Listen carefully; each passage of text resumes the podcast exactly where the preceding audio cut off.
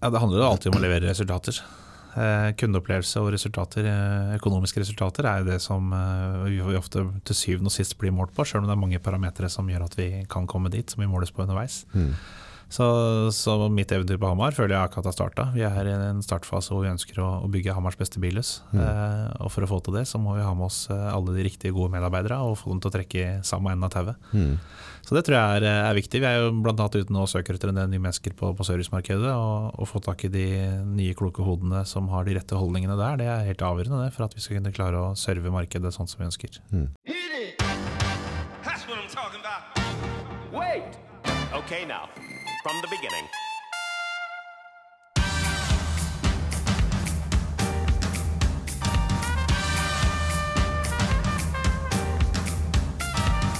Velkommen til Nordpodden. Anders Hage, daglig leder Bertel og Steen Hamar. Takk for det. Eller er det, går det under Hamar, eller er det Furnes, eller er det Nydalen, eller Nei, Det er vel Hamar vi, vi snakker mest om. Ja. Eh, Sjøl om det ligger jo i, i, i begge de andre stedene også, Nydalen og, og Furnes. Ja. Jeg har jobba litt med deg og teamet ditt på noe, noe prosjekt vi har drevet med for noe bil. Mhm. Har jo vært heldig å få lov til å prøve noen biler hos dere òg. Da blir jeg aldri lei meg. Det, er, eh, det er alltid hyggelig, det. Underveis har jeg blitt litt kjent med deg, og du er en interessant type. Du, du har jo drevet bilbransjen lenge. Eh, nå er du jo 38, men du begynte jo ganske, ganske så tidlig og har jo en, en genuin bilinteresse. Og ikke minst det å være type Du er jo gründer, du òg. Du må jo lete etter nye. Selv om du jobber i store konsern, så er du jo hele tida ute etter nye løsninger. Ja, Det er jo en bransje som er i voldsom endring. Eh, og vi ser jo det at eh, Jeg begynte i 2003, eh, så begynner det å bli noen år siden. Da begynte jeg på en Volkswagen-butikk eh, på Ryen i Oslo. Så Den gangen så var jo det en av de største bilbutikkene som var i Norge. Eh, Møller Ryen, som den het den gangen. Eh, som ligger i Ryenkrysset. Det var jo en ren Volkswagen-butikk. Da starta jeg som, eh, som bruktbilselger. Eh, den jobben fikk jeg etter at vi hadde vært en ordentlig søkerrunde. Jeg gikk på Bilakademiet i forkant av det her. Ja. Eh, Bilakademiet? Ja, det er en sånn bilselgerskole. Okay. Som var et sånt halvårs, eh, halvårskurs, kan man nesten kalle det. eh, Som var retta inn mot det med å drive med bilsalg. Da. Litt så i forhold til økonomi og litt om salgsprosesser. Var det sånn Den motoren tikker og går som Gutt hjerte, den kar og sånn var det mye sånn, eller var det mer Nei, det var, var nok mer den teoridelen, kan du si. Så det var mer et salgskurs egentlig, med en del økonomi i tillegg. Ja. Eh, hvor man lærte å, litt forskjell på forskjellige finansieringsmetoder, annet. Ja. Så, så da var det jo, når beskjeden til Bilakademiet kom om at nå skulle de ha en bruktbilselger på Møller Ryen, så søkte jo hele klassa. Eh, så da måtte jo noen få den til slutt. Så bra. Du Så- ga deg ikke? Så jeg ga meg ikke på den. Men det, det er også, når du driver med, med bruktbil, da, Mhm. for å spore litt av der, altså den økonomien rundt det, Mhm. det er jo mye, mye strengere krav til dere som er et selskap, kontra meg som privatperson selger. Mhm. Så det er på en måte å få økonomi av et bruktbilsalg. Mhm. Der er det mange skjulte tall i bakgrunnen. At du kan ta inn en bil, og så må du ha nye vinterdekk. Altså det kan, for det er jo ikke profitten på en bruktbil. Det er jo ikke sånn, altså Folk tror liksom at dere sitter og tjener 100 000 på det. Det er jo ikke sånn der. Altså, Da hadde vi ikke fått bilen inn. nei. Så, så enkelt tror jeg det er. Men det handler om å på en måte ha god kontroll på tilstanden på den bilen. Eh, så vi må ha en, en takst som ligger i bånn, som sier noe om hva slags eh, feil og mangler eventuelt den bilen har. Og så er det jo et, eh, et prisbilde som vi hele tida må følge med på, som, som er levende nesten fra dag til dag, i forhold til hvor mange biler som er publisert på Finn. For det er jo Finn som stort sett er eh, fasiten og markedsføreren i dag, eh, markedslederen på. så vi bruker Finn hele tiden. På, Det er governøren på prisa. ja, utvilsomt. Ja. Så den sitter vi og ser opp og ned på hele tida og finner ut hvordan er det de bilene faktisk vi også leverer sjøl blir prissatt i markedet. Både fra privatpersoner og fra andre bilbutikker. Mm. Og det har jo veldig mye å si på en måte eh, ettermarkedet deres. Hvis du selger meg en ny bil, så er det på en måte viktig at, du, at det produktet mitt har en annonsverdi når jeg eventuelt skal bytte om tre år òg. Ja, utvilsomt. Og jeg tror det at det er en, en fordel at eh, en bil har historikk. At han har eh, hatt servicehistorikk hos, eh, hos merkeverksted. Det har en verdi, det. Mm. og at den på en måte har blitt fulgt godt opp av, av tidligere eier. Det er, det er noe som vi ser på som gjør at bilen er mer lettsolgt, og utvilsomt et bedre produkt for neste, neste kjøper. 2003, Ryen. Ja. Volkswagen. Da var det jo Volkswagen Charan som sjuseter. Gikk jo som, eh, som eh, olje og lyn blant annet på det Det var det, og så var det ordentlig dieselhysteri. At da skulle du ha en Passat 130 hester diesel. Det var på en måte noe av det hotteste du kunne få tak i den gangen. Og Stemmer. Men den kom med sekstrinns kasse, gjorde de ikke det? Det tror jeg faktisk han gjorde, og noen hadde også Formotion. Eh, så da, det, var, det var gromt. Det var en bil som, som mange ville ha. Så hadde du en sånn Highline da, så var det Den gikk rett ut igjen. Ja, for det var jo bare, Jeg vet jeg hadde en sånn en på den tida der sjøl, en Highland. Eh, 130-hesteren der. En to liter, var det det? Ja, stemmer. Ja. Eh, Eller nei, det var en 1,9. 1,9 var det 1,9 130 hester. Og så ble Stemmer. det to liter etter hvert. Ja. Og det, det, det var jo en revolusjon. Altså, da begynte den der, for det, på Før dette så hadde vi Garmin med sugekopp. Men da, da var liksom også i de highlinene der så kom det med den store Navi-skjermen. Altså, det begynte å bli forholdsvis eksklusivt. Det begynte å, begynte å skje litt ting eh, på den tida der, men sånn som jeg husker altså Jeg er kanskje mer sånn, eh, opptatt av det å drive bilbutikk, eller det å drive salg og faget. Eh, Mhm. Jeg er nok ikke så utprega bilentusiast som kanskje noen av mine kollegaer er. Eh, så jeg husker bare at da jeg kom inn på Møller på Ryen, så det første vi hadde, som første som tenkte på hvordan er vi selger bil, og den gangen så var det mye mer floor traffic. Da var det mye mer vanlig at uh, kunder som kom innom, de besøkte en eh, fire-fem forskjellige butikker, så på de bilene som de skulle handle. Det var også den tida hvor uh, selgere av uh, Motorbørsen og AutoDB var innom og tok opp bestilling på rubrikkannonser i papirform. oi, ja, ja det var før internett liksom. Så, så internett var jo der, men vi som var en relativt stor bilbutikk i Oslo da, i Norge generelt, sådan, vi hadde jo ikke oppdatert finn.no. Eh, det sier jo egentlig litt, at vi hadde vel en 30-40 biler på Finn når jeg kom der, og kanskje 90% av det var solgt. Ja. Eh, men klart at det skjedde en revolusjon omtrent i det momentet der, for at da begynte virkelig alle merkeforhandlere å få øya opp for finn.no. Eh, for å liksom finne ut av hvordan skal vi publisere og hvordan skal vi få solgt biler litt utafor de som bare besøker oss på, på torsdag kveld eller lørdag. Ja, for når du sier at det er den floor-trafikken der Jeg husker jo det veldig godt sjøl, at når vi var i Oslo, også spesielt rundt uh, uh, Gladengveien, Ja. Lasses bil og det- bilbyen, ja. ja, bilbyen, Ja.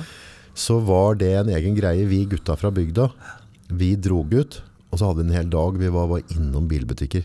Nå i dag sitter vi på Finn og knotter og leter, men da var det liksom sånn, da var det å kjøpe oss noe mat, og vi var liksom ute, og, og det var satt av en hel dag. Og du kunne ikke passere Oslo uten måtte liksom planla inn og tråkket til gulvet til dere som hadde bilbutikker. Ja, det var, det var helt annen trafikk tidligere på akkurat det der. Ja, Eh, og helt annen ballgame sånn sett. Nå er jo på en måte det meste gjort, og, og ja, kun har sett, sett seg ut en bil på, på nettet. Det finnes jo noen fortsatt som er innom bare for å se, eller noen som har vært på en service eller har et verkstedbesøk, hvor man eh, slår litt tid i salgshallen og, og sånn sett får noen eh, kanskje et impulskjøp ut av det også. ja. Men det er, eh, jeg vil nok si at eh, 95% av det salget vi gjør på, på bruktbil, er, eh, er finn.no. ja det er forhåndsbestemt rett og slett. Ja, rett og slett. At det er eh, søkt opp derfra. Men 2003, hvordan så hverdagen ut da? Hvordan begynte du? Hva, hva gjorde du Anders da, når du kom på, på arbeid? Ja, det, det var jo en litt annen tid. Eh, da hadde jeg jo en, en bruktbilsjef som var gamleskolen, og opplæringa den gangen var vel Herr Her, Anders, her er pulten din, PC-en er der, den regner med du kan. Kundene kommer som regel inn døra, bilene står på gulvet. Ja, kjør. Kjør, Ja. selg bil. Ja. Eh, og du blir målt på antall biler. Ja. Og du skal tjene penger i bånn. Ja. Det, det var greia. Fikk du blod på tannen med en gang med det med salg? For det salg er jo, det er jo et eget kunststykke. Og det å selge, det er Jeg utrolig syns deilig. jo det var gøy. Eh, som jeg har sagt til mange av de selgerne som jeg har hatt eh, opp gjennom åra, at det, er, det tar tid å, å opparbeide seg eh, en kundebase. Det tar tid å på en måte bli, bli god i et fag. Mm. Så jeg jobba jo seksdagersuker i, i mange år jeg, for å på en måte få til det. Eh, Ta ditt domene. Ja, og så syns jeg det var gøy. Jeg syns det var motiverende å, å være der. Og jeg så det at de timene på For da var jo på en måte torsdag fortsatt etablert som en langdag. Ja, ja stemmer det. og lørdagen var jo eh, utvilsomt den desidert beste salgsdagen i uka. Ja. Om du ikke solgte alle bilene da, så hadde du i hvert fall Hvis du ikke hadde jobba lørdag, eh, som var svært sjelden jeg eh, ikke Droppa. gjorde, ja, så, så hadde du en svært dårlig mandag, tirsdag, onsdag ofte. For det var eh, Lida du fikk inn på, på lørdag, dem, eh, dem ga grunnlag for i hvert fall eh, halve neste uke. Det er når du prater på deg når du er halv i. Altså jeg får sånne litt sånn flashbacks. Og å gå inn i en bilbutikk og prate med selgere, kikke på biler, lukte biler. Altså, det var litt stas. Ja, klart er det. Ja. Det er det, og det er klart, da hadde vi, i hvert fall på den butikken jeg var da, så var det relativt mange utstilte biler. Vi hadde en eh, 40-50 biler vel i, i utstillingen eh, eh, oppe i hoved, hovedetasjen, og så hadde vi en kjeller med masse biler som var på vei inn. Ja. Så klart at vi, vi var jo aktive der for å finne den rette bilen, for det, da var det mer en salgsprosess rundt det. Eh, kunden hadde som regel en viss formening om hva han skulle ha, men det var mye mer at vi kunne måtte finne den rette bilen. Eh, så det var jo også et, eh, en morsom epoke sånn sett. Lenge jobba du som selger på, på Møller? Jeg jobba sel som selger i Møller ca. tre år, Ja. eh, før jeg gikk videre til å selge ny bil. Da begynte jeg i Bertelåsten i Asker og Bærum. Eh, så da var det Jeg var ute og kjørte en kveld, og så kjørte jeg forbi det anlegget som var i Løksaveien da i Bærum. Eh, og da var det en stor stjerne på veggen. Og tenkte at det her hadde vært kult. Det hadde vært kult å fått jobbe med, med Mercedes. Eh, kanskje verdens sterkeste merkevare. Som, oh, eh, og i et eh, distrikt som utvilsomt har eh, kapital til å kunne kjøpe sånne biler. Ja. Så eh, da begynte jeg å tenke hvordan skal jeg komme meg inn her. Eh, Og så jeg, fant jeg ut etter hvert at eh, ved en tilfeldighet at han som var salgssjef på det stedet, han visste jeg hvem var fra før av. Ja. Så da var det bare å begynne å jobbe Tøft. for å få den jobben, og det ordna seg etter hvert. Ja. Så rundt 2006 så begynte du å selge Ja, det stemmer. 2006 ca. Da begynte jeg som nybilselger, så det var en litt annen type salg. Hva er den største forskjellen tenker du der, på nytt og brukt? Eh, prosessen er ganske annerledes, for at, eh, på brukt så er det ett objekt du selger. Det, det er kun den i hele verden. Eh, men på nybil så er det måte veldig mange som kan selge deg akkurat det samme, og du kan selge den samme bilen også om tre måneder. Ja. Så du har på en måte en litt, annen, eh, litt andre verktøy i kassa da, for å kunne få til, eh, få til det salget. ja. Så det handler mer om å bygge trygghet og bygge, bygge tillit hos, eh, hos kunden. Eh, For å få han til å velge deg som din, eh, din selger, og din eh, kan du si, en tillitsperson inn mot bil. ja. Men da, da begynte du å selge nye Mercedeser, ikke sant? Og så har jo veien gått videre. Men hva, hva var neste stoppested for deg da? Neste stoppested det var faktisk hjem til Hamar. Oi. Eh, da følte jeg vel på altså, Det kom en finanskrise oppi dette her. Det skjedde litt på, um, i markedet. Det stoppa ganske kraftig opp en periode. De Ja. som da normalt sett ville vært i loopen for å kjøpe en ny bil, de tok en ekstra service i stedet. Ja. Eh, og det skjedde litt, så, så vi merka liksom litt at vi butta litt i markedet. Og så begynte jeg å føle litt på, på savnet etter Hamar, eller i hvert fall jeg trodde jeg følte det. Ja. Eh, og så dukka det opp en mulighet i en annen bransje, eh, i alarmbransjen. Så da fikk jeg ansvar for en salgsavdeling i sektoralarm. ja. Så det er, vi, drev, vi drev med sikkerhet, og det var jo dørsalg. Oh, Eh, god gamle bankedør. Ja, rett og slett. Ja. Så det var eh, Så fikk jeg mulighet til å starte opp eller ta over et eh, salgskontor på, på Hamar, som skulle ha ansvar for Hedmark Oppland. Mhm. Det var egentlig ingenting når jeg starta, for det var, eh, hadde ikke lokaler, hadde ingenting. Det var jeg. Brand new. Eh, Det var jeg, rett og slett. Du fikk, fikk ansvar for deg sjøl? Ja, rett, rett og slett. Så fikk jeg mandat, nok. Mandatet var vel egentlig, ja, du kan godt si det. Men mandatet var jo å bygge, bygge en stor salgsavdeling som skulle ut og, og selge alarmer Ja. eh, på dør. Eh, og det er jo, var jo helt nytt. Og klart det var en sånn terskel for min del også, det å gå og banke på en dør i Hamar. Det for å- suger. For å, ja, det kan du godt si, men det var enormt lærerikt. Ja. Og nå er det på en måte nå i ettertid tenker at eh, noen ser på eh, Hvis man tenker å vurdere et, et innkommende lead, da, hvor hot det på en måte kan være, mm. så er jo nesten enhver innkommende lead for meg superhot, når jeg har vært vant til å måte banke dører sjøl. Så, Ja, det, det for Jeg tror ikke folk er klar over, uh, hvor mye det krever av deg rent personlig. På en måte, for hvordan dag du har, da, hvilken fot du har stått opp på, er helt avgjørende. Skal du gå og banke dør? ja, Altså, du skal ha en utstråling og en, en trygghet rundt produktet ditt. da. ja. Så kontra, jeg synes jo på en måte alle de innkomne du får da. Altså, det er walk in the ballpark i forhold til å liksom gå på kaldt. Ja, utvilsomt. Utvilsomt, Men jeg lærte veldig mye av den tida i, i, alarmbransjen. Det var jo på den tida også hvor det, det var kanskje litt mer vanlig med dørsalg den gangen. Det hadde jo hatt Hafslund-perioden med Stemmer. dørselgere som hadde vært eh, ordentlig på. Du hadde jo en del eh, Viasat og Kanal Digital-selgere som hadde vært ute og, og banka dører en periode. Så folk var kanskje litt mer vant til å ha besøk. Eh, men det er klart at det var jo, vi starta med to tomme hender. og første jeg måtte bevise både for meg sjøl og for eh, lederen min som satt i Oslo, var at jeg måtte kunne klare salget sjøl. Ja. Så jeg var ute og altså Dagene var da jeg starta sånn 9-10 på morgenen. Vi var ikke tidlig på den, men vi var veldig seint ferdig. Ja. Eh, Så vi starta med rekrutteringer og intervjuer og planlegging av dagen eh, i sånn 9-10-tida. Så hadde vi et oppstartsmøte, kickoff-møte klokka to hver dag. ja. Eh, mellom to og tre, stort sett. Eh, det var da når vi fikk noen selgere etter hvert. Eh, så var jeg da ute og banke dør fra tre-halv fire-tida og fram til ni på kvelden. Oi. Og så var det jo ni-ti-tida på kvelden. Og så var det papirarbeid og innsending av kontrakter og forberede neste dag og den delen der fram til tolv. For et bikkjeliv. Ja, det var eh, Men det varte ikke så lenge. For eh, jeg holdt på med dette her i seks måneder på Hamar. Ja. Eh, hvor vi bygde en avdeling fra null til, eh, til å bli faktisk en av Norges beste på, på seks måneder. Og da vi gikk fra, fra bare meg til eh, 12-13 selgere, jeg, på, på de seks månedene, og fikk det til ganske bra. For en læringskurve. Så, så det var, men det var beinhardt. Det Ja. var liksom eh, 9-10-tida på morgenen til 12-tida på kvelden hver dag, med unntak av helgene. For da, da prøvde vi å puste ut litt i helgene, men det Ja. hendte at det var noe dørbank da. Ja. Eh, men da fikk jeg ansvar for en region etter hvert i sektor, så da flytta jeg til Oslo igjen. Ja. Eh, og da hadde jeg sju sånne avdelinger Oi. rundt omkring i Norge. Så da hadde jeg salgssjef under meg igjen. Som Da måtte du reise rundt da på alle avdelinger og ja, det var en del reising da. Mm. Det var jo, klart Jeg hadde hovedkontor i Oslo, på, Mm. på Storo, men vi, vi reiste rundt. Så det var alt fra Tromsø, Ålesund og Molde. Og det var rundt i hele Norge, egentlig. Så det var Hva syns du er største forskjellen på det å jobbe i Oslo kontra å jobbe på Hamar? Eh, det er nok litt eh, mentaliteten, kanskje. Litt kulturen. Ja. Eh, Hamar er jo et, fortsatt et eh, lite sted i forhold til eh, Oslo. Man kan være litt mer anonym. Mm. eh, mulighetene i Oslo er nok litt større. og er nok, eh, man er nok vant til at man hopper litt mer mellom arbeidsgivere, kanskje, i, i Oslo. Ja. Men det er jo fordeler og ulemper med begge deler, utvilsomt. Mm. Men samtidig så ser jeg også at Hamar seiler opp som Innlandets hovedstad. Mm. Og blir eh, er vil snart å regne som en forstad av, av Oslo sånn sett. ja, Hamar har gjort det bra, dem også. Det er mye, mye, mye bra folk og mye bra butikker. Så, så jeg ser det at det er, eh, det er nok kanskje litt mer, litt mer drive i, Mm. i Oslo, mens hedmarkingen er nok litt mer trauste foreløpig. Hva er det de sier for noe? Altså, en er veldig veldig impulsiv, bare for å tenke seg om en måneds tid.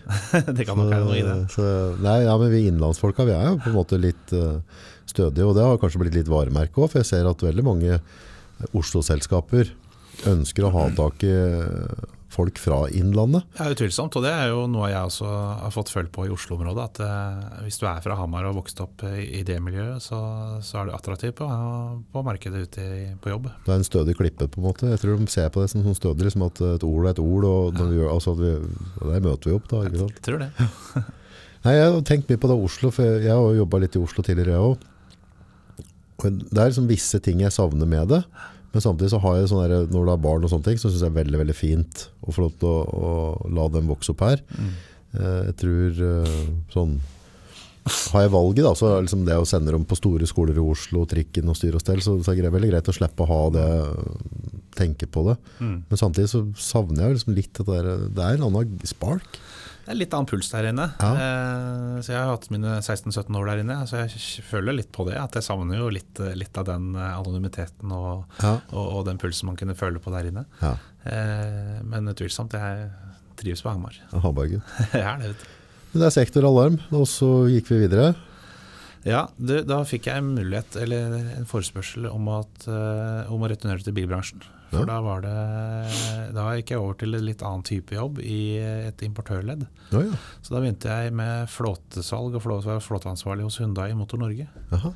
Flåtesalg, hva legger du det da? Altså? Det ligger, altså, da var det ansvar for næring, kan du si. eh, Ja. Inn mot uh, litt sånn større avtaler. og Det kunne være Avis og Hertz-avtaler. Det kunne være Sånne, ja. Vi hadde jo noen eh, forhandlere som satsa på og etablerte det vi kalte for Fleet Business Center. Altså man hadde dedikerte selgere som skulle gå ut til, eh, til næringsmarkedet, banke dører, rett og slett. Ja. Eh, Være proaktiv og, og selge, selge produkter ut mot uh, altså type firmabiler. Da. Så da jobba vi med det en, en periode. Eh, Jeg var vel der i en par års tid. Mm. Jeg Jobba da fra importørleddet ut mot både Europakontoret og, og mot forhandlernettet i Norge. Mm. Så det var også en veldig lærerik periode. Det er utfordrende òg, det er jo, det er jo Ikke for å sparke i noen retninger, men eh, Mercedes har litt annet varemerke enn Hyundai da, for eksempel. Ja, utvilsomt. Men Hyundai begynner å bli store, dem òg. Ja, det, Det er jo en eh, ja, Nå ligger mellom femte og sjette største produsenten av biler i verden. Oi, Eh, Så dem har jo tatt et kvantes, kvantesprang sånn sett. Eh, De har kanskje ikke den posisjonen i Norge, eh, i hvert fall ikke det da, men eh, det begynner å komme seg bra på statistikkene nå.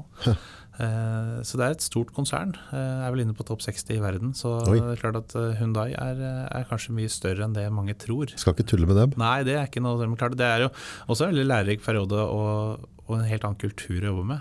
Ok, For den koreanske kulturen er jo ganske annerledes enn den norske. Så du merker den inn i de norske kontorene òg? Ja, man merker nok, eh, merker nok det på en måte. For det, de hadde jo alltids noen eh, utsendte representanter for fabrikken som var med. Ja. Eh, det er klart at det ble bygd en veldig norsk kultur innad i, i selskapet, men vi merka jo det når vi var ute på reise annet og hadde møter med de andre Jeg jobba som type fleet manager, som var min stilling den gangen, og hadde møter med de andre i Europa på det. Og vi fikk besøk av presidenten, som det da heter, ja. for Europakontoret. Og da det er klart at det er det er en ganske spesiell opplevelse når du sitter rundt et eh, Det var egentlig et sånt stort møterom eh, som de hadde alle styremøtene sine på. Ja. Som ser, det er sånn du ser på film, egentlig. Med Sverd og sånn, eller? Nei, ikke helt det, men i hvert fall mahogni. Ja, Mye, ja. mye mahogni. Ja. Det er klart at Når eh, presidenten da var på, på kontoret sitt, så kunne du se det på de andre, for da hadde de på seg slips. Okay, ja. Eh, hvis han var ute og reiste og besøkte andre land i Europa, så var slipset av. Så var det litt mer laidback. Ja. Og så var det ett møte vi hadde hvor han skulle komme og si hei og introdusere seg sjøl og prate litt til oss. Og da var det på en måte Først så kom jo hans eh, fortropp, som var noen, eh, noen damer som eh, gikk rundt og tørka av bord og satte fram kaffen. Og satt, Seriøst? Ja, det var på den stilen der. Og vi fikk klar beskjed av han som var møteleder at nå kommer president han. Han kommer da om, eh, om fem minutter. Da må vi reise oss opp og stå bak stolen på høyre side, og vi skal på en måte vise respekt for presidenten. Oi, Så det var en en helt annen kultur enn det vi var vant til i, Yes. i Norge. Dette er, jeg ser for meg sånne japansk mafiagreier. Ja, liksom. kan godt nesten si det sånn. Så Ja. det tror sånn du ser på film, egentlig. Ja, ja. Eh, Det er ganske morsomt å oppleve det, for det er jo sånn de gjør det. Og det er jo måte den måten de eh, viser hverandre respekt på. Men hvordan føles det å være en del av det? Liksom, føles det som at pokker har rota meg inn i en kult her? Eller hva, altså, Nei, jeg, jeg følte ikke helt på det sånn, for det vi, vi vet jo at det er forskjell på kulturer rundt omkring i verden. Ja. Eh, og vi hadde det jo ikke sånn på kontoret hjemme i Norge. Eh, vi hadde jo ikke det, Selv om vi hadde ut, utsendte representanter der også, som, eh, som på en måte var talerør inn mot både fabrikk og Europakontoret. Så, men det er klart at det var jo veldig, veldig forskjell på, på kulturen. Jeg husker det var, eh, Vi hadde en episode av vår, vår leder i Norge som var en, hadde en presidenttittel, som var en nordmann. Eh, Ja. Han, eh, den dagen han skulle slutte, eller fikk beskjed om å gå, etter at det hadde vært litt rot med resultater, så, så ble det jo nestemann på skalaen, som da var en koreaner som skulle rykke opp som midlertidig president.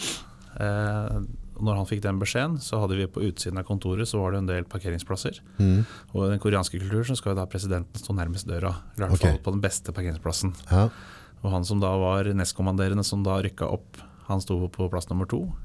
Og det var viktig for han da å gå ut, kjøre bilen sin fra plass nummer to opp til plass nummer én, for så å gå inn igjen og begynne å jobbe. Oi. For å vise at nå han blitt president. Ferdig snakka. Ferdig snakka.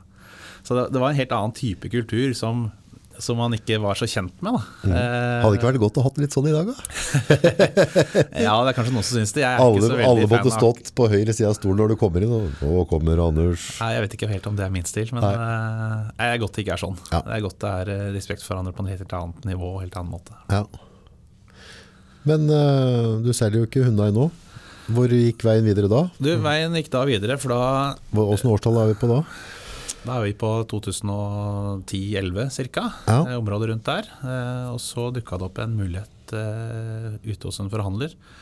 Jeg følte det når jeg jobba hos importør, at, det, at jeg distanserte meg litt fra der det skjedde. Jeg var liksom litt, litt for langt unna puddingen. Jeg var mer i bakkant og på en måte skulle fasilitere og legge til rette for at forhandlernettet og de store kundene skulle ha vilkår som, som funka for dem. Ja.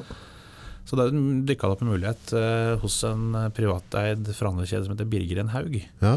Det er jo en gammel eh, ærverdig butikk som, eh, som driver med Nissan og Subaru. Eh, nå, nå også Hundai. Ja. Eh, så da fikk jeg ansvar for og ble daglig leder for en butikk på Lillestrøm. ja. Så det var jo eh, eh, Det var noe sånt som jeg hadde egentlig hadde litt drømt om også, for å være litt mer hands on. Jobbe med menneskene som utfører til syvende og sist. ja. Så da har jeg vært med på en elektrisk bølge der, for å si det mildt. Eh, Ja. Der har vi hatt en bil som heter Nissan Leaf. Stemmer. Det har vært et eventyr. Ja. Det er ingen tvil om. Så det var kanskje den første elbilen som, som virkelig tok av, og som fungerte for folk i hverdagen. Ja. Det har jo vært noen elbiler i forkant av det også, men det har vært eh, ja, noen små veltepettere og noen sånne Ja, småtteri som har eh, kjørt rundt. Eh, Men det har vært en eh, Men Nissan i seg merker seg sjøl når du sier det. Altså, dem har jo, altså, du har Nissan Leafen. Ja. Men det er nesten akkurat som ordet, eller merkenavnet Leaf, har blitt sterkere enn Nissan. Ja, Nissan har, har vært Når jeg var yngre, så hadde Nissan Bluebird altså du hadde, du hadde, Da var Nissan Ja. eh, på høyde med Toyota på veldig mange måter. Og det føler jeg at det, dem, de er ikke så synlige i markedet mer, føler jeg. Nei, altså det, er jo, det ble jo veldig enspor etter hvert, også på, på produ- produktsida. Eh, vi solgte vel 80-90% av bilene vi solgte var, var Nissan Leaf. Eh, Ja, det var- ja, okay. ja, ja, det var det, så det er ikke noe tvil om det. at det har vært eh, Før så hadde du jo et helt annet drive i, i blant annet. Du hadde, du har også, Hvis du går enda lenger tilbake, så hadde du en X-Tail som i gamle dager som, X-Trail, ja, solgte, som solgte en del. Stemmer, stemmer. Nissan Primera har jo solgt en god del. Primera, ja. så, X-Trailen var jo en sånn derre eh, For den kom jo med både fem- og sekstrinskasse. Men for dem som drev med hester og sånne ting, mm, så var det en liten bil som var sterk nok til å trekke Ja, type hengere. det- Så det ble en veldig, veldig populær bil der. ja, det det. Satt ikke instrumenta midt inn eller et eller annet? Jo, det tror jeg jeg husker. Ja. Det var litt før min tid med, med Nissan, men vi hadde jo fortsatt noen av de, og de var veldig populære som brukte også de bilene der. Ja. Patrullo var før den. Den var, det er jo en maskin i dag. Det er maskin. så det har vært en del Navara pickup også. Ja, stemmer. Eh, Så, men vi ser jo det at eh, Men det er ikke bare Nissan som har endra hva slags modeller de selger, for det er nok mer på hva, hva kunden etterspør. Mm. Det typiske stasjonsvognsegmentet er jo tilnærma borte. Mm. Eh, hvis du husker tilbake til eh, Sierra og Mondeo-tida til Ford oh, også. ja, Eh, det gikk jo stasjonsvogner Mondeo. som bare det. Monde, det tøt ut Monde. ja. Ja. Så, så det er det er ikke noe tvil om at, eh, at SUV-segmentet har tatt over det meste av det stasjonsvognssegmentet. Folk ønsker å komme litt mer opp. Mm. Og det var det kanskje Nissan som starta med, med sin eh, Qashqai. Ja, stemmer. Det var jo ja, ja, de den en kjempesalgssuksess. De solgte vel 80-90% tohjulstrekkere. Så mange trodde at, at en SUV måtte være firehjulstrekk, men det var jo overhodet ikke det. Eh, Så det var mer sittestilling og komme opp som, eh, som var viktig for folk. Det er litt rart hvordan det har utvikla seg. for når det, det har jeg ikke tenkt over sånn for med det stasjonsvognsegmentet. For det var jo stort. Kjempestort. Ja, Volvo 245 stasjonsvogn til 740 stasjonsvogn. Det var jo enorm øh, størrelse på det. Ja. Opel Rekord i Så stasjonsvogn. familiebilene før var jo stasjonsvogn. Enkelt og greit. egentlig. Ja, Eh, så var det noen som hadde noen sedaner som syntes det var fint, men måte, stasjonsvogn var jo på en måte hovedgreia. Ja. Hæ. Det så det har skjedd, skjedd ganske mye på, på kjøpsatferden der, og måte hva man syns er en ålreit eh, familiebil. Dette er jo litt sånn interessant i den bilbransjen, for nå har jo på en måte bilbransjen har jo Det har vært en tullete forandring da, siden du starta ja. til nå i dag. Og så er det på en måte sånn der, eh, noen merker som på en måte har skjært av gårde i noen retninger, men at jeg føler at kanskje merkenavnet har forsvunnet litt. Mm. Altså sånn Når jeg begynner å tenke på det, Ishuset det kan jeg ikke huske å ha sett på en stund. ikke sant? Nei. Eh, det, er, eh, det er en del Husker du Suzuki kom med den der veltepetteren, den firehjulstrekken en stund. Ja. Så hadde de Suzuki Baileno, en stasjonsvogn som var veldig billig med firehjulstrekk. ja. Ja, De har hatt noen sånne norgesmodeller som de har eh, presentert det som. og det var ikke det. Jeg lurer på om de var bestselgere noen år òg, den der Bailenoen. Ja, det også hadde jo også Subaru noen år, når eh, Solberg var på, på toppen i forhold til rally og VRC. Ja, Eh, stemmer. Så hadde de noen år med, med bra salg også. Så eh, Jeg husker det var en gammel importørkjempe, Tom Kolberg, han som hadde Masta og Hyundai Angudur i gamle dager. Han sa det at uansett hva vi gjør som importører, så er det produktet som er kongen. Ja. Så det, det tror jeg virkelig på også. At det er, og sånn er det nok i dag også. Vi ser, det er jo et ganske godt eksempel på det, er jo f.eks. Tesla. ja. Eh, Kommer du med det rette produktet og har timingen og, og noe som treffer, så, så drar du av gårde med en eneste gang. De har ikke er- reklamert engang. Nei, de har jo solgt alt på nett, stort sett. Ja, helt, altså, du, ja, jeg tror ikke du får ikke kjøpt det på butikk. Du må gå inn på pad og bestille der. Ja. Så, så det, er, det er et godt bevis på det. Eh, og det er også mange andre. Ser du på den, fra, eller den merket som jeg jobba litt med, med Hundai også, som har ligget nede noen år. Og så kommer det en eh, elbilbølge derfra med Ionic og Kona, som har vært to populære biler. Så, så er dem oppe og, oppe og nikker igjen med en gang. Så det er utvilsomt at du trenger noen modeller som, eh, som slår. For det er ikke like lett lenger å bare gjøre godt salgsarbeid, for det, kunne ha blitt ganske oppleste. Men det jeg synes da, for dem som Bertel og Steen da, og, og Mercedes, og det prater vi litt om på her eh, sist vi møttes, er jo det som gjør at Mercedes distanserer seg litt, er på en måte altså, om du kjører til den aller dyreste Mercedesen, om du, altså, om du har de store øh, puddingene med svære motorer, eller om du kjører en, en C180, så er det fortsatt Mercedes. Ja. Altså dere har på en måte vært med hele, altså dere har, SUV, dere har hele segmentet, men fortsatt så er det på en måte, det er den stjerna, så om du på en måte kjøper en bil til 500 500-600 000, eller om du kjøper en til 2 millioner, så er- går begge to under skipet Mercedes. Ja, det gjør det. Det er nok en del ting de ikke går vekk ifra, uavhengig av prisen på bilen. Ja. Eh, men klart at Mercedes også har jo kommet med biler som er litt mer folkelig prisa, men fortsatt så har du det Mercedes-genet i bånn. Eh, så det tror jeg er veldig bra. Du har jo A-klassen, som er på en måte den rimeligste varianten i dag, som, eh, som selges fra rundt, eh, rundt 400 kanskje, området rundt der, det vi selger til kunde, eh, og oppover. Så, så Så det, det er jo et, et brorstykke i seg selv. Altså sånn, ikke, ikke noe gærent om Nissan, men, men av den Leafen Ja. og, og det de har drevet med, så, så er på en måte ikke Jo, det er den, det er den har, Leafen har blitt litt Nissan da, for meg. Ja. men Mercedes er fortsatt Mercedes, uavhengig av hvilken modell du skal dra med gjennom. Om det er Sprinter eller om det er en Vito. sant? Så, ja, du har noen gjenkjenninger der som er eh, ganske, ganske tydelige. ja, så, så det er litt kult at de har hatt uh, baller nok da, til å på en måte hold your ground, holdt jeg på å si. De har stått i det. Og Det er jo på måte sånne typiske ting som, gjennom, som du kjenner igjen også med bl.a. Eh, hendlene. Du har girhenderen oppe på høyresida av apparatet, den har Ja. du jo hatt med deg en stund nå. Og så har du også vindusviskeren på venstrehenderen, som er, eh, som er Mercedes kjennetegn. Ja. Men samtidig så er det det, det på en måte at de har også helt uh, Istedenfor som mange andre bilmerker har gjort, at de på en måte har satsa alt på én modell. Og så sier at ok, nå har vi en modell, dette her er en sånn norgesmodell, den har kommet til å selge veldig mye. Så er på en måte alt fokus på den, og så blir det andre litt sånn tåkelagt. Men dere har på en måte beholdt stoltheten for hver enkelt modell oppover. da. Ja, vi ønsker å ha fokus på alle, eh, men det er jo vanskelig å holde like høyt fokus. Fordi at det er, eh, Hvis du går inn på hjemmesida til Mercedes nå og ser på den rangen som er, så nå har ikke jeg antall modeller i hodet, men det, det er ganske mange. Ja. Og, så det å være selger for Mercedes i dag og skulle holde seg oppdatert på produkt på alle biler, det, det er ganske utfordrende. Ja. Eh, Så heldigvis nå er det blitt mer at man lager si, standardiserte modeller som, som er anbefaling også for kunde. For at vi har jo sett at eh, det å være kunde er heller ikke alltid like lett når man skal gå inn i Nei, det er ikke noe tre, annet. fire, fem sider med tettpakka med utstyrsvarianter. Og, tilleggsutstyr og varianter som kan kombineres og ikke kan kombineres. Så det har gått mer over til at man har eh, markedsmodeller kan man si, som er på en måte tilpassa det vi mener at er en riktig utstyrt bil, og det vi ser kundene etterspør. Mm. Ja, for det blir samme skal du gå inn og om jeg skal gå og kjøpe kamera eller TV, og så begynner jeg å sammenligne inne på Elkjøp sine sider. Så er det, en, altså, det, er, det er så mye informasjon, så det blir vanskelig for meg å, å ta alle de valga. Spennende. Nå har jo Det første er det som å prate bil, da, men jeg var, ble veldig, veldig eh, glad jeg fikk prøve en E-klasse av dere her, den nye modellen. Eh, og jeg opplevde da liksom på en måte at uh, jeg fikk en bit av, uh, av den 124, altså det som kom ut på 90-tallet. For det var, altså det, det var så særprega Mercedes, så det var egentlig ikke noen andre kjøretøy på markedet som ga deg den type følelse. da. Og der følte jeg som at nå har Mercedes virkelig Nå har de steppa opp. Og så det, var, det, det var et etter at de lukka døra, det var på en måte flowen i dashbordet. Ja. Det, mm, linjene på panseret. Altså, jeg fikk en veldig, veldig sånn markant Mercedes-følelse. At den stakk seg veldig ut. Ja, og E-klasse er vel kanskje noe av det bedre vi har også. Noe som har vært eh, velprøvd over tid, og de har hele tida fintuna det for å få optimalisert det. Så, Og nå har det også kommet en del nye drivlinjer på bilen. Ja. Så nå har du jo, eh, altså I tillegg til å ha de tradisjonelle diesel- og bensinmotorene, så har de jo også hybrider. Ja.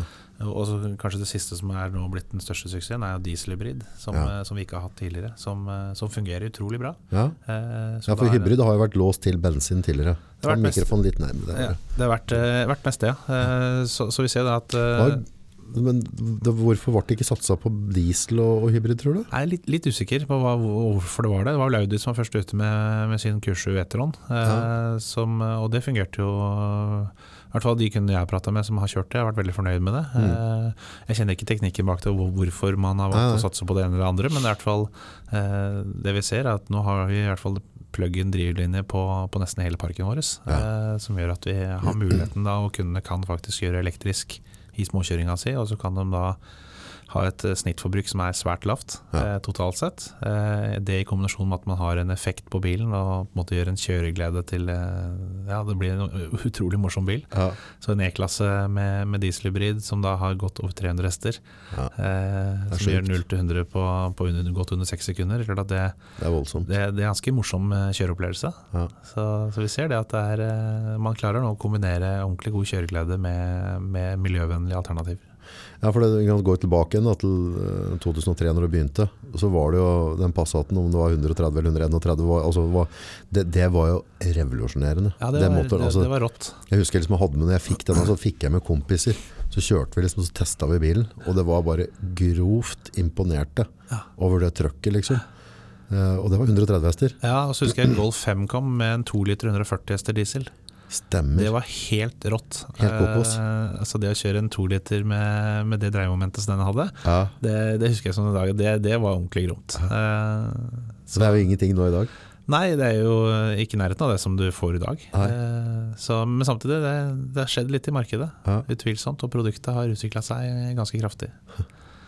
Men uh, du var i i Hyundai, og så Eller, eller ikke var, Det var Nei, nei, Birger, mener jeg. Birger Haug, ja. Ja, Eh, der hadde vi, jeg, Først var ble jeg ansatt på Lillestrøm. og jobba med å gjøre det beste ut av den avdelingen. Og så hadde vi noen interne rokeringer som gjorde at jeg flytta ut en litt større avdeling på, i Asker og Bærum. For han har flere avdelinger.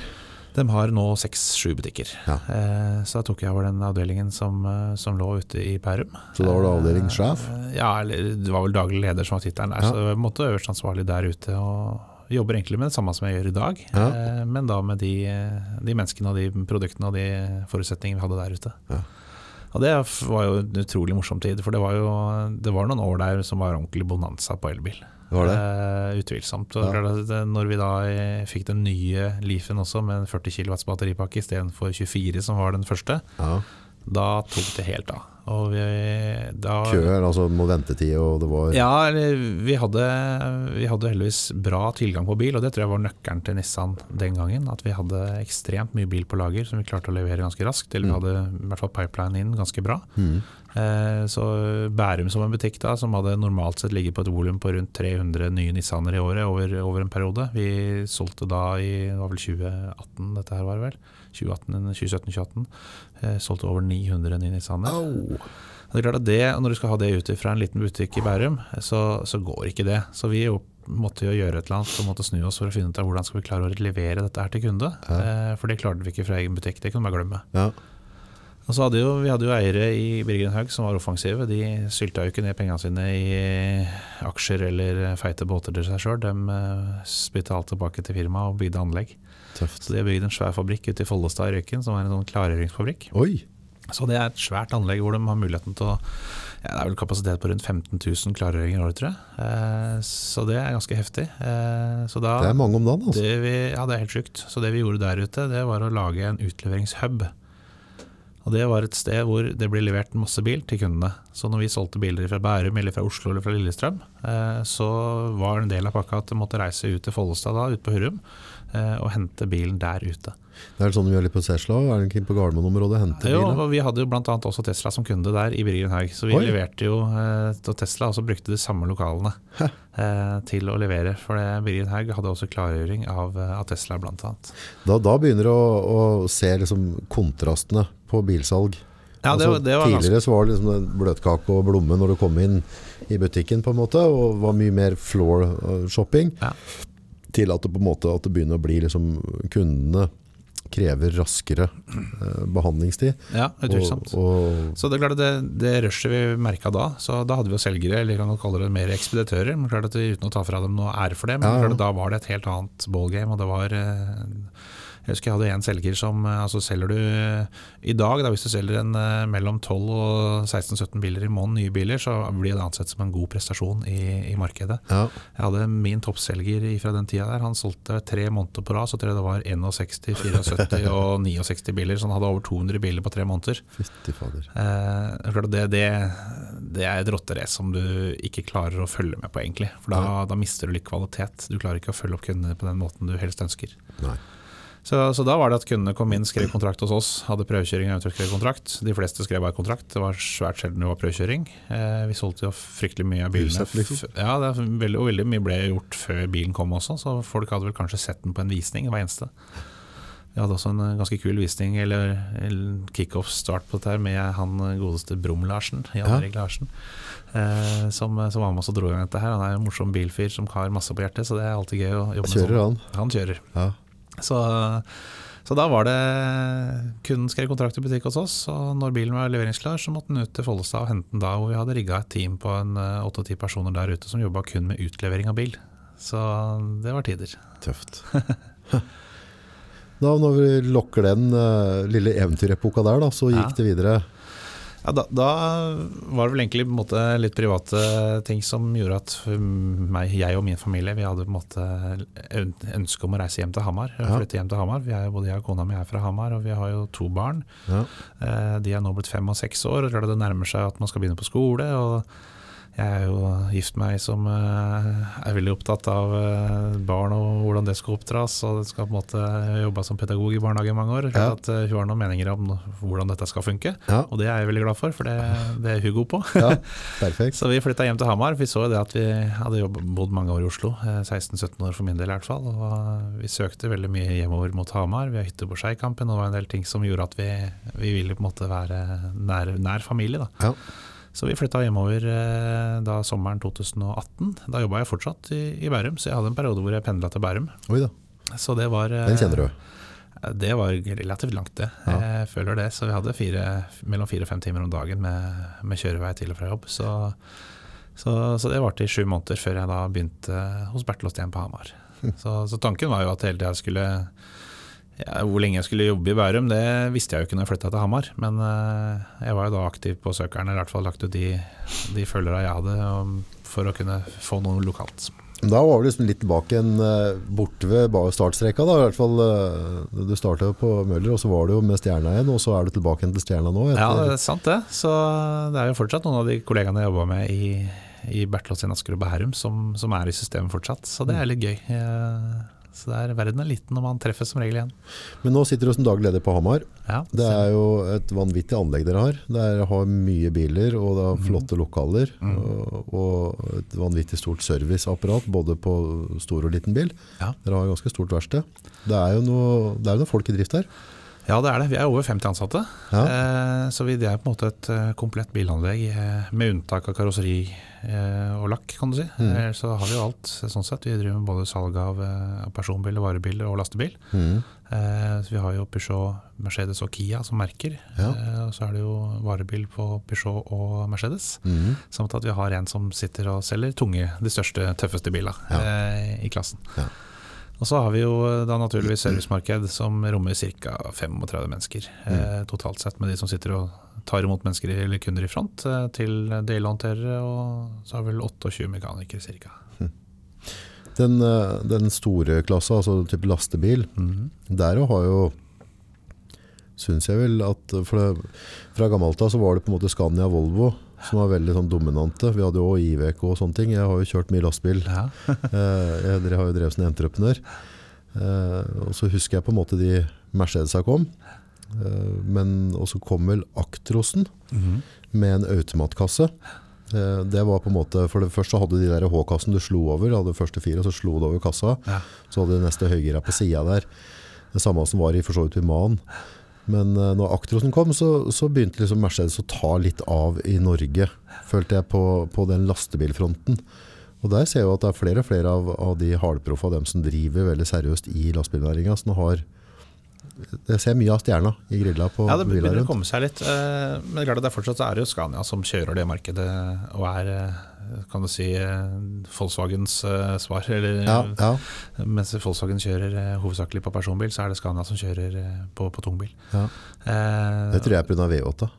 Kan godt hende. Ja, Det er, nok mange, ja. det er nok mange bensinhuer fortsatt som er i den bransjen der. ja, ja, ja. Eh, Men så er det, de har vært flinke også, de skal ha for det. De har vært flinke over tid og har et bra servicemarked. Og de, eh, de leverer produkter som er, eh, som er bra, og det passer med påbygg og det som er. Mm. Men klart at Mercedes har mye fine biler, og det siste nå er at de har speilløse biler hvor de har kameraer isteden. Så det sitter altså på, På, på A-stolpene så sitter det da skjermer hvor du ser bakover istedenfor at du har speil utvendig. Så er det litt Kult. kamera der. Så det er litt morsomt. Litt gimmick. Ja. Så det er mange som syns det er spennende. Jeg husker på, jeg kjørte jo mye betong for mange masse år siden, og da hadde jeg kjørte både Volvo, Scania og, og Mercedes, litt forskjellige biler. Eh, Det jeg husker var sånn, sånn særpreget til Mercedesen. Da tror jeg faktisk de hadde en V8 dem òg, så den hadde litt sånn interessant lyd i seg. Men eh, Mercedes hadde litt eh, brukt materiale, så du hadde litt mjukere ramme på dem. Så når du kjørte på anlegg og vriene veier, så, så førte bilen bedre terrenget. Ja, Så når du drev med seg fireaksla betongbiler og sånne ting, så, så kjørte du kjørte deg mindre fast da. ja Med. Mercedesen, altså du fikk et bedre overall grep da. Kontra da Scaniaen, som, eh, som var stivere i ramma da på den tida, husker jeg. Ja. Som, eh, som var litt mer utfordrende å kjøre på, på anleggstrafikk. For det er jo, Nå er ikke lastebil mitt sterkeste fag, men jeg ser jo det at eh, det som jeg hører og det, det gutta prater om, er jo at det er veldig forskjell på hva du skal bruke bilen til. Mm. Eh, en personbil, en type SUV i et eller annet segment, det fungerer eh, for de fleste som er ute etter en sånn type bil. Men på, på lastebil så er det nok mye mer personlige preferanser og hva du bruker bilen til sånn i, det, i det fysiske. Eh, og så er det klart at dette er kunder som kanskje er mye mer i produktet sitt. Det er jo tross alt kontoret deres hver eneste dag. Ah, ja, ja. De lever og andre for det. Og ja, det, det er utvilsomt en viktig, viktig kundegruppe. og ja, Vi ønsker å, ønsker å vokse mye på det i framtida. Det er jo en kundegruppe som er veldig, veldig opptatt av service og reparasjon. De, for de er jo avhengig av at ting Stå, skal rulle. stå til er det verste som er der. Så det er jo derfor eh, Cat og Volvo har rulla så bra på maskinfronten i Norge òg. For at de har jo uten tvil vært dem som har hatt flest servicebiler. Og, altså, de kommer og bytter olje på, på anleggene på natta, liksom. Ja?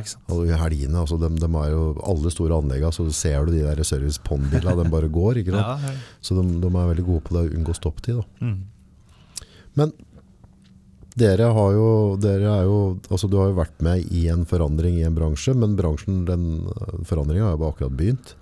Selv om Ja, det har vært en enorm, så, så dere er jo hele tida prøver å være noen hestehore foran her, da. Ja, vi er jo hele tida i, en, eh, i en endring. Og det er klart at Vi har jo siden jeg kom inn på Hamar også hatt ganske store endringer uh, internt på Hamar. Eh, Blant annet at vi har digitalisert servicemarkedet ganske kraftig. Fra å på en måte gå vi er veldig på papirordre og jobbe på én måte, til å nå ha mottakere i front, som også er Hvis du går på Gardermoen og sjekker inn på en, en disk mm. eller en skjerm, så har vi også den samme muligheten eh, hos oss eh, når du kommer inn i bilbutikken. Ja, Der kan du faktisk bruke nøkkelen i en skuff, så den åpner seg opp. Ja, det er riktig. Så det er en touchskjerm når du kommer inn, hvor du kan eh, taste inn enten telefonnummer eller regnummer på bilen. Og så kan du gjøre innsjekkinga di eh, da digitalt istedenfor å måtte stå i kø og vente på at eh, en av kundemottakerne blir ledig. Men da har du òg muligheten til å bruke en kundemottaker hvis du ønsker det. Ja det har du. Så det, så det er fritt valg. Men vi ser jo det at flere og flere kunder nå bruker disse eller selvbetjeningsautomatene, som vi kaller det, eh, og, og sjekker inn der. For det syns jeg det fungerer veldig greit. Ja, så er det jo sånn med tanke på at hvis eh,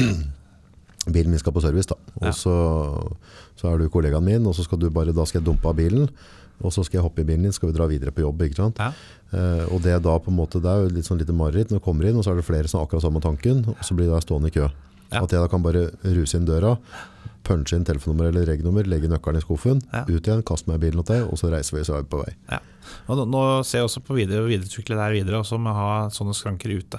Eh, Så du har muligheter for å levere bilen når som helst på døgnet utenom vår åpningstid. Det er jo helt genialt da. Også hente bilen. Ja. Sånn at du slipper å måtte forholde deg til vår åpningstid for å både levere og hente bil.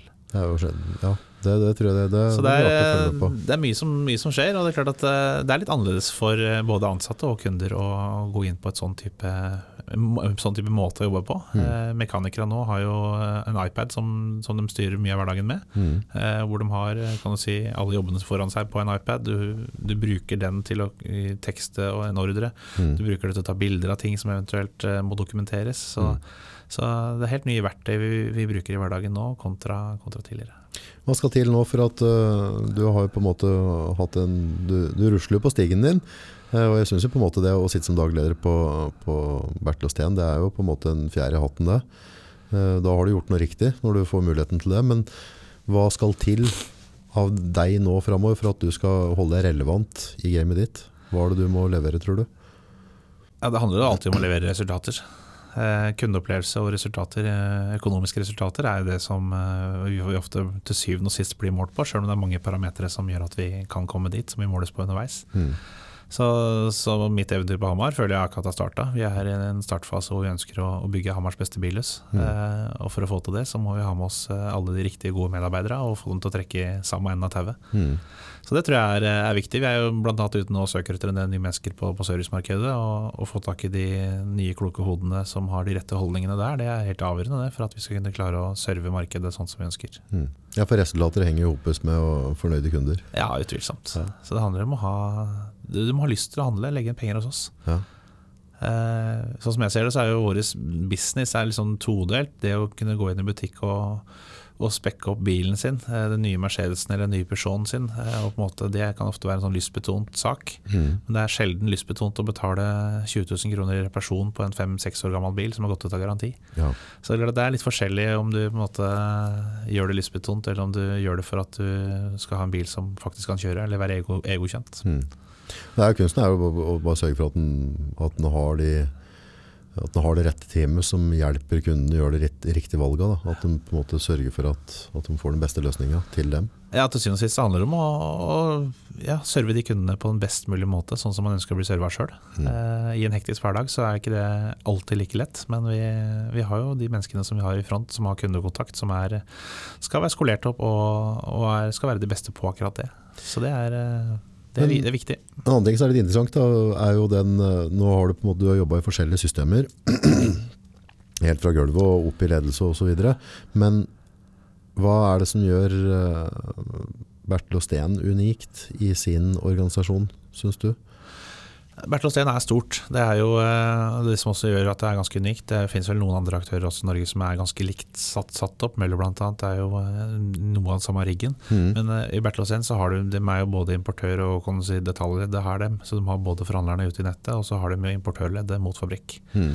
Så det er jo, eh, gjør at det er unikt mange muligheter også. Eh, og, og vi er jo på en måte til syvende og sist er vi jo en og samme båt, men vi driver jo i forskjellige, forskjellige AS-er, for å si det sånn. Mm.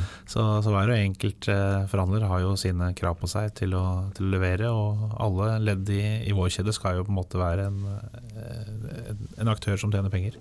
Men sånn når du selger merkevaren Mercedes, da, da har vi med tyskere å gjøre, de er jo ganske rette i kanta. Det er, Ja, det er, ikke, det er ikke noe rom for å, å tøyse der. Nei, det stilles ganske store krav. Eh, om det er flistyper eller eh, type skrivebord som selgeren skal sitte på, oh, ja. og hva slags demobilpark vi skal ha til enhver tid, og hvordan skiltingen skal være på bygget. Så det, det er ganske store krav, og det tror jeg nok det er for alle fleste. Men tyskere er jo ekstremt opptatt av sånt. Ja. Vet, jeg har jobba med noen andre selskaper òg, så når du havner i en sånn tysk markedsavdeling på, på fontvalg og sånne ting, så er det lite slynger. Nei, det, det er en måte å gjøre det på. Ja. Det er, sånn, det er den rette måten. så det er ikke noe det, det må vi bare følge. Og det er, heldigvis så har vi gode sparingspartnere der på, på Lørenskog, hvor hovedkontoret til Bertil Osten er, som, som følger oss opp på, på alle de standardene som vi må ha. Men når du sitter på nå, og dere har jo veldig, veldig mange avdelinger i Norge, og du sitter da og styrer én avdeling. Eh, hvordan blir du fulgt opp eller altså, av, av mamma? da? Eh, er, det, er de strenge med deg og, og stiller mye krav? Altså er det, Ja, det er klart at det er ganske klare retningslinjer fra, fra min leder, som er en regionsansvarlig, kan du si. Regionsdirektør, som har ansvar for ca. 18-19 forhandlere rundt omkring i Norge. mm, Så det er klart, det jo, vi driver jo med kjededrift. Det er- skal jo være ganske likt det vi, det vi driver med. Eh, klart at Du får det ikke til å bli helt likt, men vi ønsker at det skal være gjenkjennbart om du kommer inn til en Bertil Osten-butikk i Moss eller på Hamar. ja.